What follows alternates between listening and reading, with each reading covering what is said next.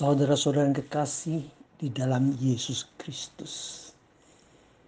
Kita hari ini mau membahas Wahyu pasal 12 ayat 1 sampai dengan ayat 12. Di sini tercatat tentang ada perempuan dengan naga.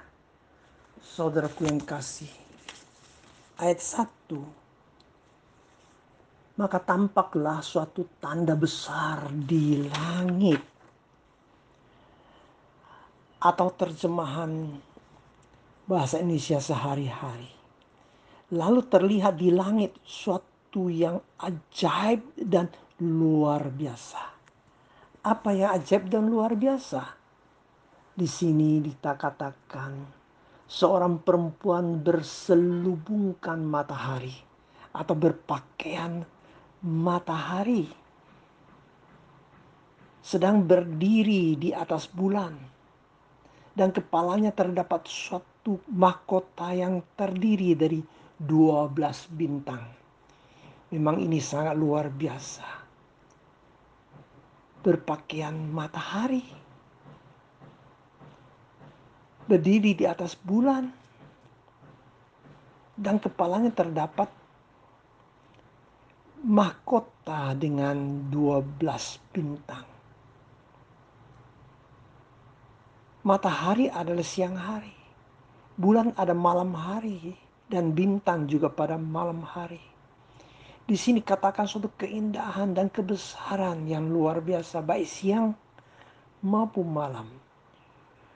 12 bintang itu bisa mewakili 12 suku atau 12 rasul. Tapi juga bisa menjadi 12 zodiak atau 12 bintang zodiak. Saudara kasih, Wahyu pasal 12 ini bersama dengan pasal 13 dan 14 adalah suatu bagian di tengah-tengah kitab Wahyu. Baru selesai sangka kala yang ketujuh. Dan sebelum mulai tujuh cawan murka Allah. Di sini ada tiga pasal yang sangat-sangat penting. Pasal 12 ini tercatat si wanita ini sedang hamil. Karena sudah waktu melahirkan maka ia berteriak kesakitan. Kesakitan karena hamil. Saudaraku kasih, yang saat ini diingatkan kita di ayat 3. Lalu kelihatan pula di langit sesuatu yang ajaib. Jadi ada suatu keajaiban perempuan. Lagi ada suatu yang ajaib terjadi ada seekor naga merah yang besar sekali yang mempunyai tujuh kepala dan sepuluh tanduk. Mungkin ada kepalanya satu tanduk dan ada kepalanya dua tanduk. Jadi tujuh kepala dengan sepuluh tanduk. Tiap-tiap kepala memakai sebuah mahkota mengatakan dia sangat mulia, sangat kuasa dengan ekornya yang menyerek sepertiga dari bintang-bintang di langit dan melemparkannya di bumi. Naga itu berdiri di depan wanita dan mau melahirkan itu dengan maksud menelang anak itu. Lalu wanita itu melahirkan seorang anak. Ayat 5. Yang akan memerintah semua bangsa dengan tongkat besi kalau tongkat besi ini memerintah ini seperti tercatat di Mazmur pasal 2. Tapi anak itu dirampas dari wanita itu lalu dibawa kepada Allah ke hadapan taktanya. Maka wanita itu lari ke padang gurun ke tempat sudah tersedia oleh Allah baginya. Dipelihara 1260 hari lamanya ayat 7 lalu di sorga terjadi peperangan. Mikael bersama malaikat-malaikatnya bertempur melawan naga itu dan naga itu pun dibantu oleh malaikat-malaikat yang melawan Mikael. Mikael adalah penghulu malaikat untuk berperang. Tapi mak makanya itu naga itu dikalahkan oleh malaikat-malaikat Tuhan. Sehingga tidak diizinkan tinggal di surga.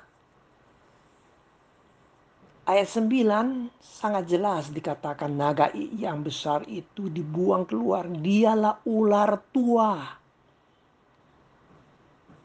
yang bernama iblis atau roh jahat yang menipu seluruh dunia, ia dibuang ke bumi dengan segala malaikatnya. Saudaraku yang kasih, inilah paling jelas mengatakan bagaimana si iblis itu dahulu di sorga juga akhirnya karena berontaknya dikalahkan dan dibuang ke bumi. Yang paling penting saudaraku yang kasih, inilah sesuatu hal yang sangat ajaib. Tapi kita harus memahami ada suara keras di sorga. Ini semua tercatat ada terjadi di sorga. Ayat 10. Dikatakan dengan suara keras atau nyaring. Sekaranglah waktunya Tuhan menyelamatkan umatnya. Nah ini penting sekali ada waktunya Tuhan. Sekaranglah Raja penyelamatan itu yang dijanjikan itu sudah menunjukkan kekuasaannya. Sebab yang menuduh saudara-saudara kita itu di hadapan Allah siang maupun malam sudah dikeluarkan dari sorga. Nah, yang paling penting ayat 11 saudaraku yang kasih. Saudara-saudara kita sudah mengalahkan dia ini dengan darah anak domba dan juga dengan berita kebenaran dari Allah yang mereka kabarkan.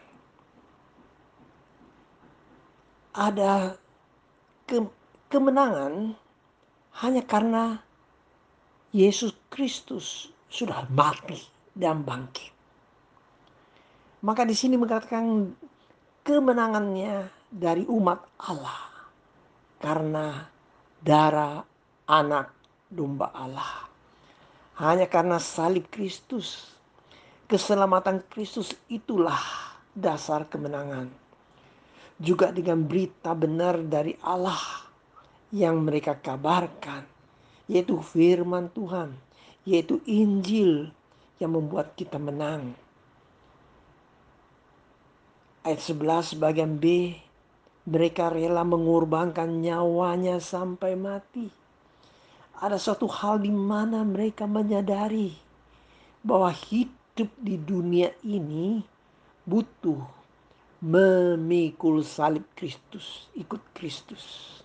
Sehingga inilah menjamin kemenangan. Amin.